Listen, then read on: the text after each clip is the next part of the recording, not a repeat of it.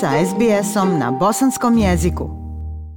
Sudije Haškog tribunala pravosnažno su osudile bivšeg komandanta Vojske Republike Srpske Ratka Mladića na doživotni zatvor zbog genocida u Srebrenici, zločina protiv čovječnosti u drugim opštinama, terorisanja Sarajeva i uzimanja pripadnika Umprofora za taoce. Žalbeno vijeće odbacilo je sve žalbe mladićeve odbrane, ali i tužilaštva. Sudije Ujedinjenih naroda za ratne zločine potvrdile su presudu za genocid i kaznu doživotnog zatvora za bivšeg komandanta oružanih snaga bosanskih Srba Ratka Mladića. Sudska presuda potvrđuje njegovu centralnu ulogu u najgorim zvjerstvima u Evropi od drugog svjetskog rata.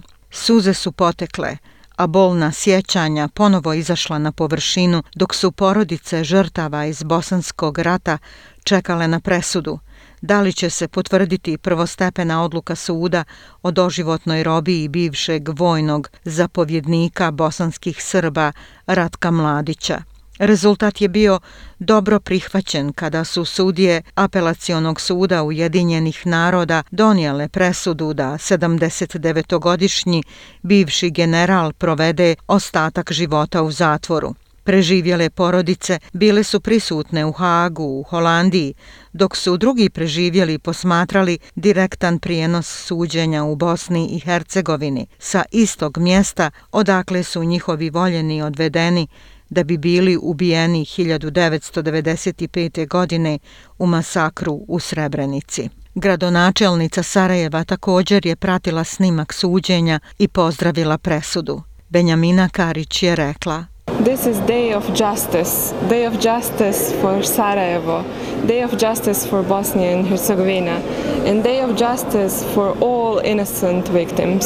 Ovo je dan pravde, Dan pravde za Sarajevo, Dan pravde za Bosnu i Hercegovinu i Dan pravde za sve nevine žrtve. Kao vojni zapovjednik Ratko Mladić je bio poznat kao bosanski kasapin nakon terora Sarajeva, glavnog grada Bosne i Hercegovine, a opsada grada trajala je 43 mjeseca. On je također osuđen i za masakr nad 8000 muslimana u Srebrenici, koja je bila pod patronatom Ujedinjenih naroda i zaštićena zona. Osuđen je za genocid i druge zločine počinjene za vrijeme rata u Bosni i Hercegovini od 1992. do 1995. godine. Munira Subašić, predsjednica aktivističke grupe Majke Srebrenice, nakon presude izrazila je nadu da će buduće generacije učiti od presude. Pa žao mi je što nisu i druge opštine ušle u I feel sorry that other municipalities were not included in the judgment. However, we expected this judgment. Žao mi je što i druge opštine nisu ušle u ovu presudu. Međutim, ono što smo danas doživjeli, to je ono što smo i očekivali, jer krvnik nije mogao dobiti manje nego što je dobio. Vi znate da žrtve nikada nisu u potpunosti zadovoljne, bez obzira na sve presude, ali ipak ja kao majka i kao žrtva ću kazati da je i njemu došao kraj.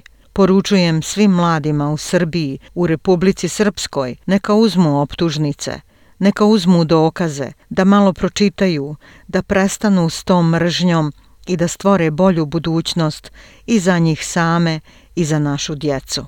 Ratko Mladić se pridružio svom bivšem političkom šefu, nekadašnjem predsjedniku bosanskih Srba Radovanu Karadžiću u služenju doživotne kazne za planiranje etničkog krvoprolića u kojem je više od 100.000 ljudi ubijeno, a milioni su ostavljeni bez domova i raseljeni. Pa ipak mnogi po nacionalnosti Srbi, kao Svetozar Bosić, stanovnik Beograda, visoko poštuje Ratka Mladića. Mi ga smatramo herojem We think he is a hero, a man that really did what he could do at a given moment.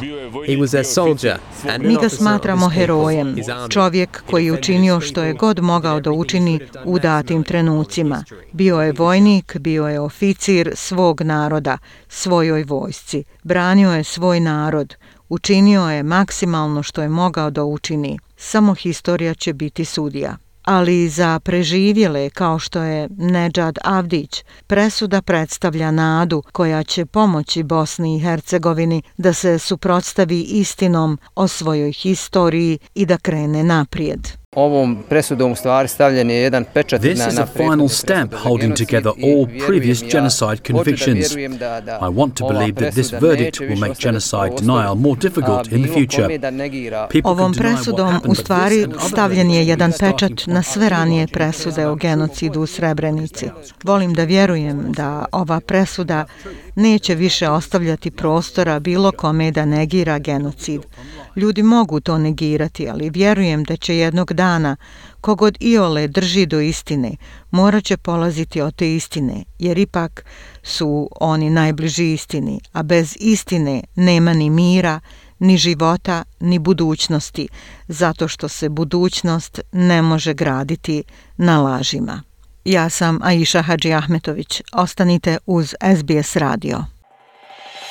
SBS na bosanskom. Podijelite naše priče preko Facebooka. Želite poslušati još ovakvih priča?